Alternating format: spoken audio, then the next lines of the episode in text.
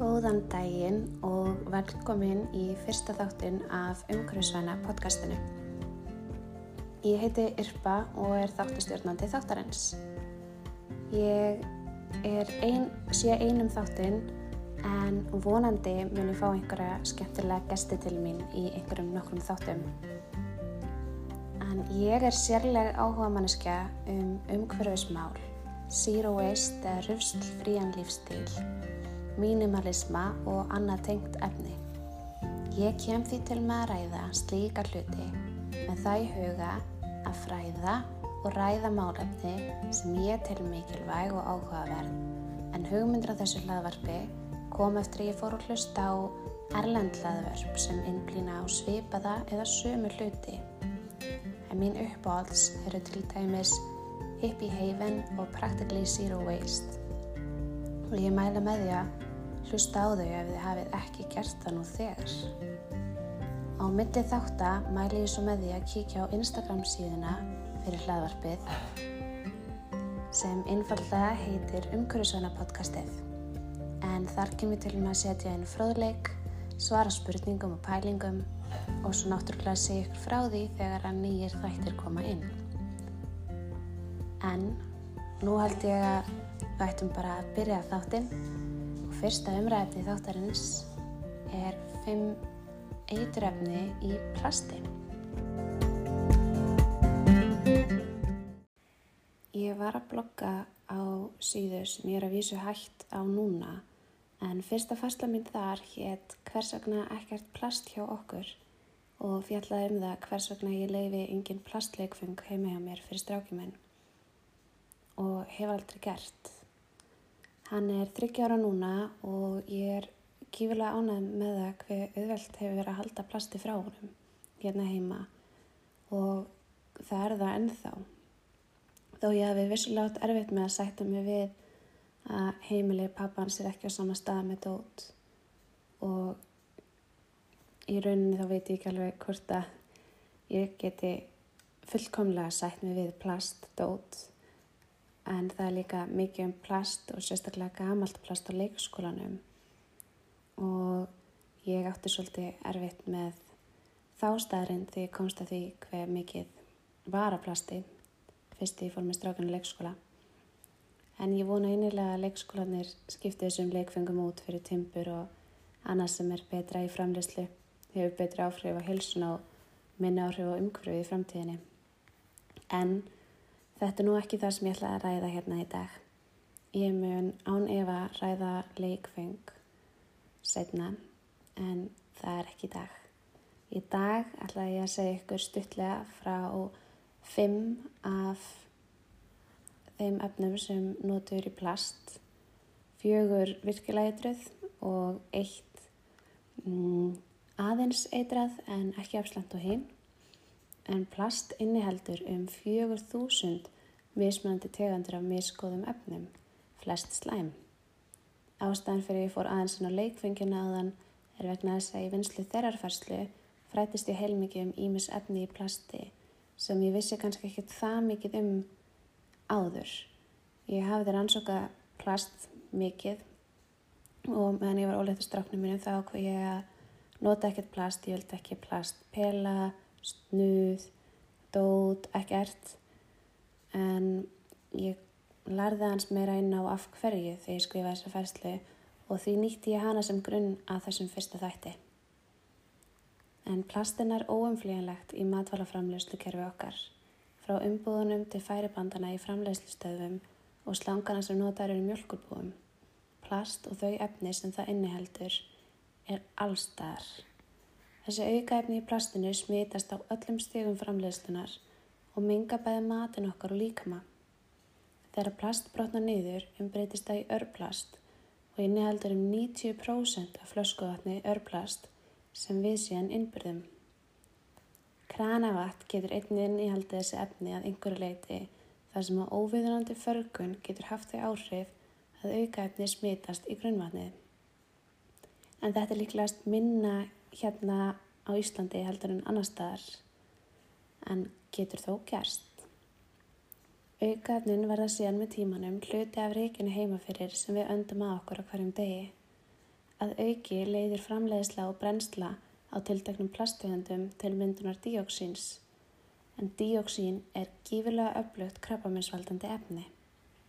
Til þess að ræða ykkur ekki um of þá er möguleiki að sumt af hennum eitruðu aukaefnum plasti hafi ekki endilega slæm áhrif á helsu manna. Rannsóknur á þessum efnum eru yfirleitt gerðar á allt öðruvísi hátt en það hvernig við nálgumst plastið. Þegar rannsóknir eru gerðar eru efnin einangröð og síðan sett saman með einum ymsu frumum en þetta er ekki það sama og gerist hjá okkur þegar við drekkum til dæmis úr vassflöskur plasti.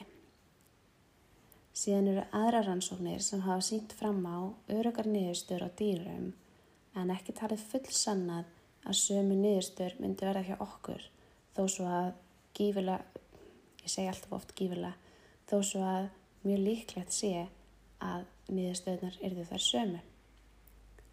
Dr. Jane Munke, eitur efnafræðingur, held ég.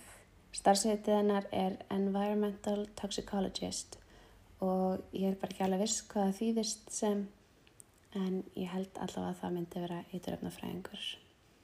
En hún Munke starfar sem stjórnandi og yfirmar vísindaransokna hjá Foodpacking Forum sem vinnur að því að efla skilning á þeim efnum sem komast í snertingu við mat, komast í snertingu við matvæli. Munga telur að svo staðrind að plast sé byggt upp af mis, þúsundum mismjöndi efna sé gífurlega mikilvæg. Eitt og sér getur magn til dæmis BPA í tiltaknu plasti kannski ekki haft skadleg eða mikil áhrif en það gæti með öðru efni sem hefur svipað neikvæða eiginleika, samanest og skapað hættulega áhrif en í rauninni veitum við mun minna með fullri vissum öryggi eða öryggisleysi efna sem finnast í plasti en við kannski höldum að við ættum að vita. Flestir hafa hugsað með sér hversuna var þetta þá framleitt og nýtt í öll þessi ár eða þetta er í raunin svona skadalegt fyrir okkur. Getur þetta verið svona skadalegt ef við erum að nota þetta? En í rauninni er eins og skilningur náði hvað plast í raun og veru sé sé ekkert vola vel skilin og við notum þekkt hættulega efni sem smítast ef einhver veitum betra orðið við lít má hann endilega senda mér línu ég er ekki viss sem um að smítast sé besta orðið en við notum hættulega efni til þess að pakka með inn í plast matnum okkar sem dæmi og efnin sé að smítast í hann og jafnvel þó svo að við vitum að slæm efni sé í plastinu höldum við samt áfram í það minnst að flest að versla matin okkur í plasti, jáfnvel pakkunum síðan inn í plastöfum afkonga og fyrirtækjun framlega matin í plasti þrátt fyrir að vita þessi slæmur fyrir okkur. Þú ert að sjálfsög ekki fara að deyja vegna plasts, en það gæti hins vegar ítt undir sjúkdóma og það getur gerst yfir nokkra áratvíi, yfir langan tíma eða jafnvel haft áhrif á ófætt fóstur. Það eru ennþá fullt af efnum plasti sem við vitum líklegast ekki af og stundum þegar þekkt vandamál líkt og feileit eru tekinir umferð kemur síðan í ljós setna meir að þau efni sem átt að taka við valdi svipuðum vandamálum svo við erum í raun ekkert betur sett með þannig. Til þess að einfalda málið mikið hefur plast slæma áhrif á hilsu okkar á ímsavegu og er ekki talið gott fyrir okkur nýja umhverfið. Afleðingar mikillar plastnökunar í heiminum í dag eru til dæmis krabbamein, fæðingagallar, getnaðarvandamál, veikinga ónæmiskerfinu, tögakerfinu og áhrif á þroska barna. Ég gæti tala nær endalest um þetta viðfangsefni en ef ákveða að fara ekki of djúft í hlutana þessu sinni.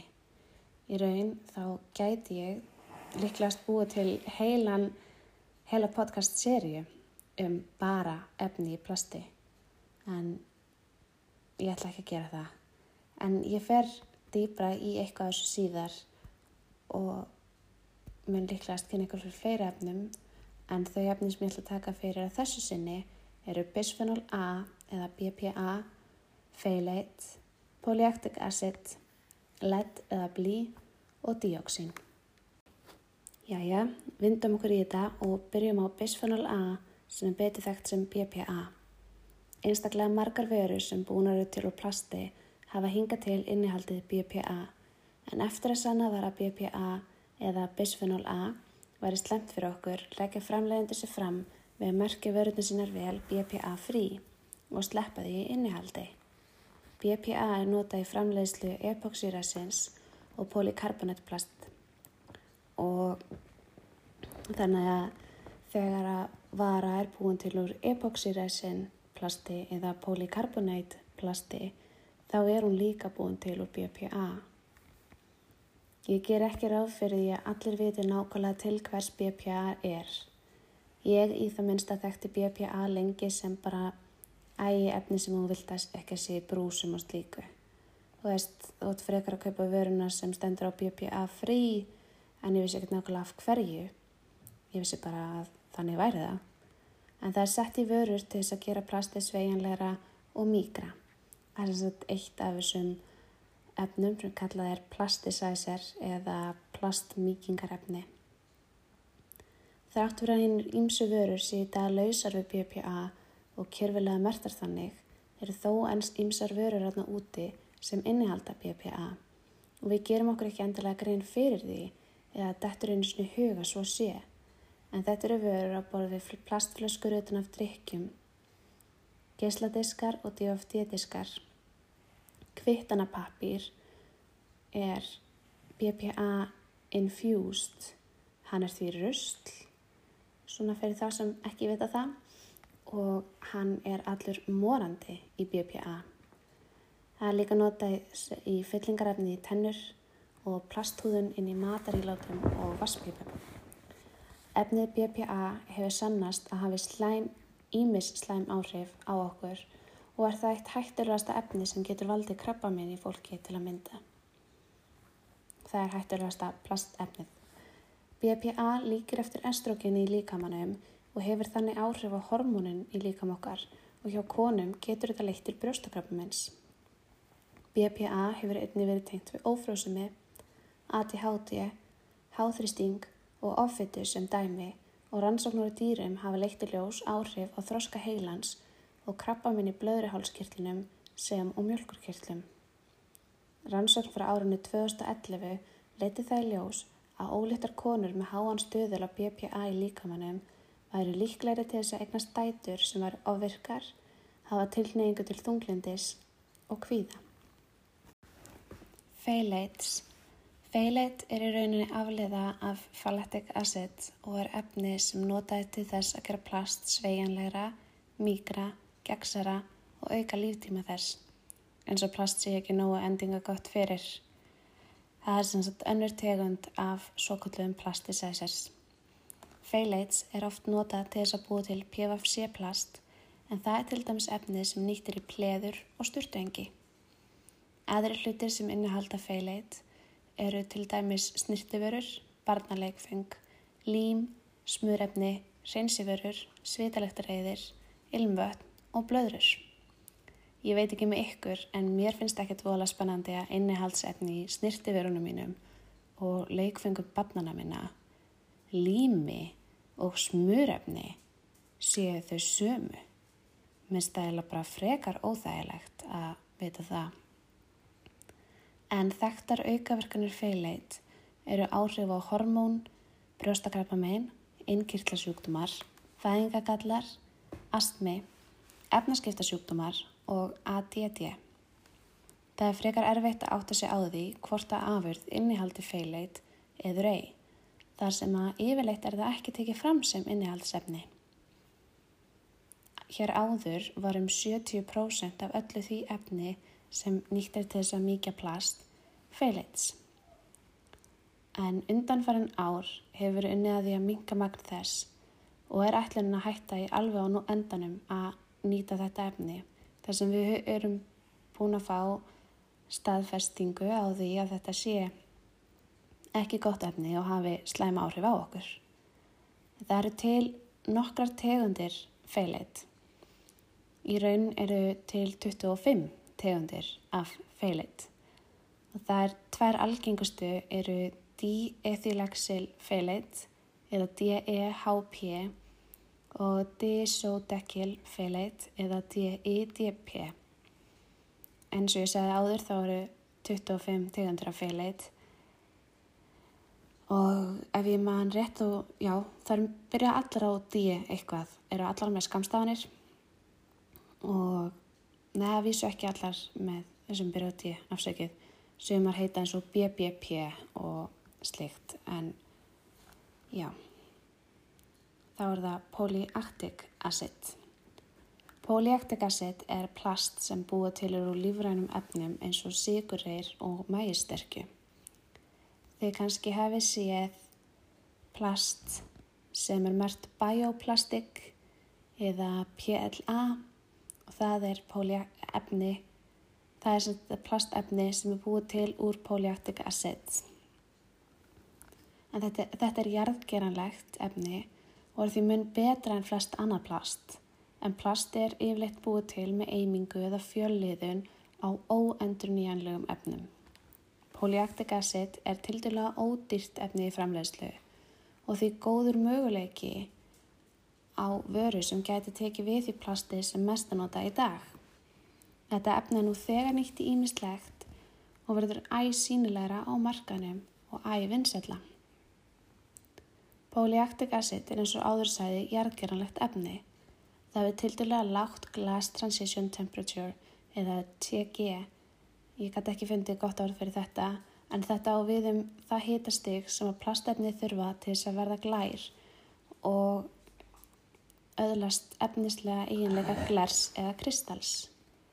En polyactic acid þarf hitastig á milli 43 og 62 gráðuna á Celsius. Á sama tíma hefur efnið tildulega háan bræðslustöðul eða um 150 til 160 gráður á Celsius. Hins vegar getur efnið verið hýtað, kælt og hýtað aftur upp á bræðslumarkinu án þess að verða fyrir miklum skada. Sem hlýtur að þýða að það jarðgera pjela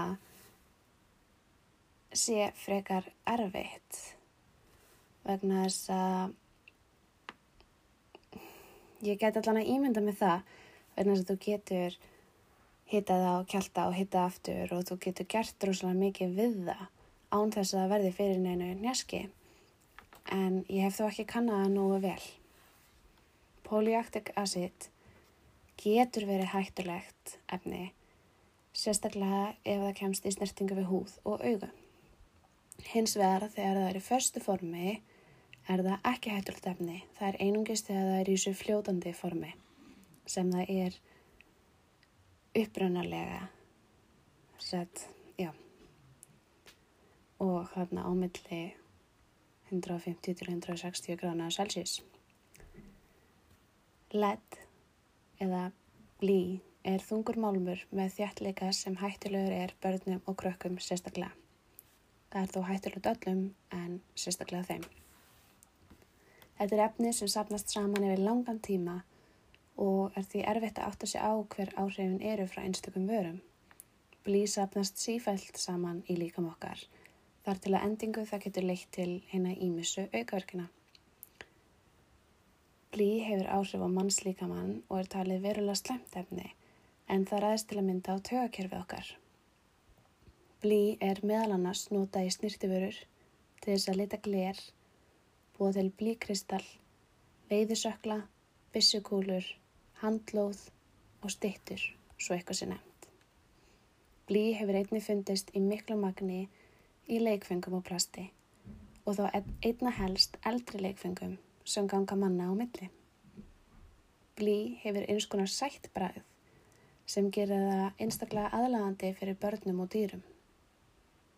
Og mér finnst alveg magnað á eitthvað sem er svona ógeðslegt og við ættum alls ekki að borða þurfum við endilega að vera sætt á bræði þannig að þeir sem hafa ekki vita á því að setja ekki munnin setja verklega munnin allavega þá koma síðasta efni sem við ætlum að fara yfir núna og það er díóksín díóksín er efnafræðilega samsett efni sem hefur verulega mingandi áhrif á umhverfið og er hluti af The Dirty Dozen Ég man ekki hver íslenska þýðingan á þessu hugtæki er, en ég mun tala betur um Dirty Dozen í öðrum þætti. En í stuttumáli er það hópur af hættulegum öfnum sem sögður eru Persistent Organic Pollutants, POP, eða viðvarandi lífræn mengunarefni. Þetta þýðir að þegar að dióksín hefur tekið sér bólfæstu í líkamannum eða umkvörunni er það komið þangað til þess að vera. Þið verða að afsaka slettunar hérna en viðvarandi lífræn mengunarefni hljómaði kvorki rétt, nýja nógu skýrt. En aftur þá vissi ég ekki hvað væri betra. Og ef þið hafið einhver orð fyrir mig yfir þessu hluti sem ég er óviss með hvað væri á íslensku, með þið endilega segja mér að það skiptir mig máli að hlaðvarpið sé að mestuleiti á íslensku. Díóksín er talið, já, förum aftur í díóksín. Díóksín er talið gífurlega eitra efni og eru mögulegar afleggingar af því ægslunar og þróskavandamál, sköttun á ónæmiskerfinu, ruggli í hormonakerfinu og krabbaminn. Að brenna plast losur um díóksín í andrumsloftið þar sem að díóksín er óviljandi en jáfnframt óhjókvæmulega hluti af framleiðslu efna sem innihalda klór eins og til dæmis PFC plast ásönd öðrum efnum.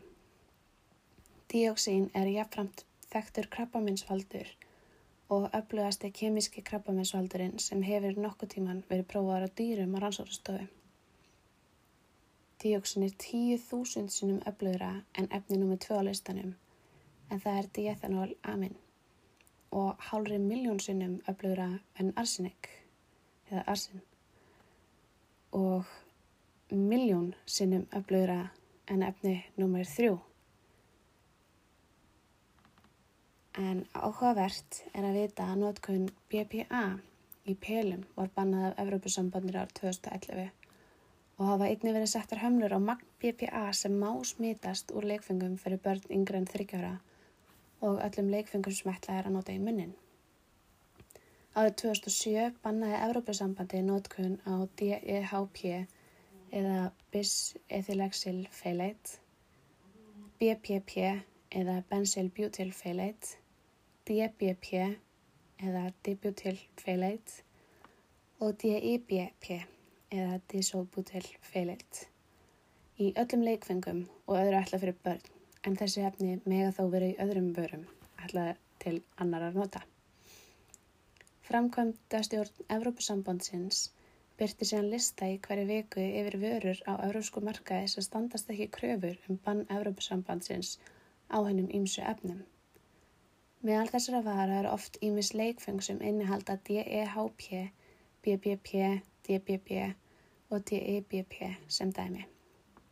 Og ef þið notið verur úr plasti og viljið vera vissum að að minnstakosti þær veru sem eru, hafa verið taldar það sem einnihalda efni sem hafa verið talin það hættuleg að þau þurfa að banna að, í notkun af Európa-sambandinu þá getið kíkt inn á síðuna þeirra en Ég kann, kem kannski til með að setja slóðina á Instagram síðu þáttarins. Ég skrifa hann ekki niður en það kemur líklegast bara líka öðvöldla upp eða litið í leitarvél. Ég gerir mig grein fyrir því að hlusta á það á hvað að hátt hinn ímsu efni í plasti hafa verulega slæm áhrif á heilsu okkar, líkt og við vitum öll vel að hafa á umhverfið. Og að hera upptelningar af hinnum ímsu sjúkdómum sem það ítir undir er ekkert vola skemmtilegt. Og ég lofaði ekki allir þættir verða jafn þungir. En spáði hann síðan að þetta voru einungis fimm kemískapni sem finnast í plasti. Og líkt að ég sagði fyrir þættinum þá er að finna um fjögur þúsund mismunandi efni í plasti. Ég vona því að þetta sé enn frekari kvartning til þess að reyna sniðganga plast eftir fremstamegni.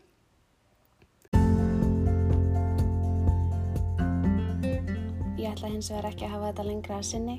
Við heyrum stress að vikuleginni með nýtt umfjöldanöfni. Þanga til kikið endilega á umhverfisvæna podcastið á Instagram. Hendið follow þar og subscribe hér. Og ef það er eitthvað sem þið myndi vilja að ég taki fyrir, með ég endilega senda mér línu. Takk fyrir í dag.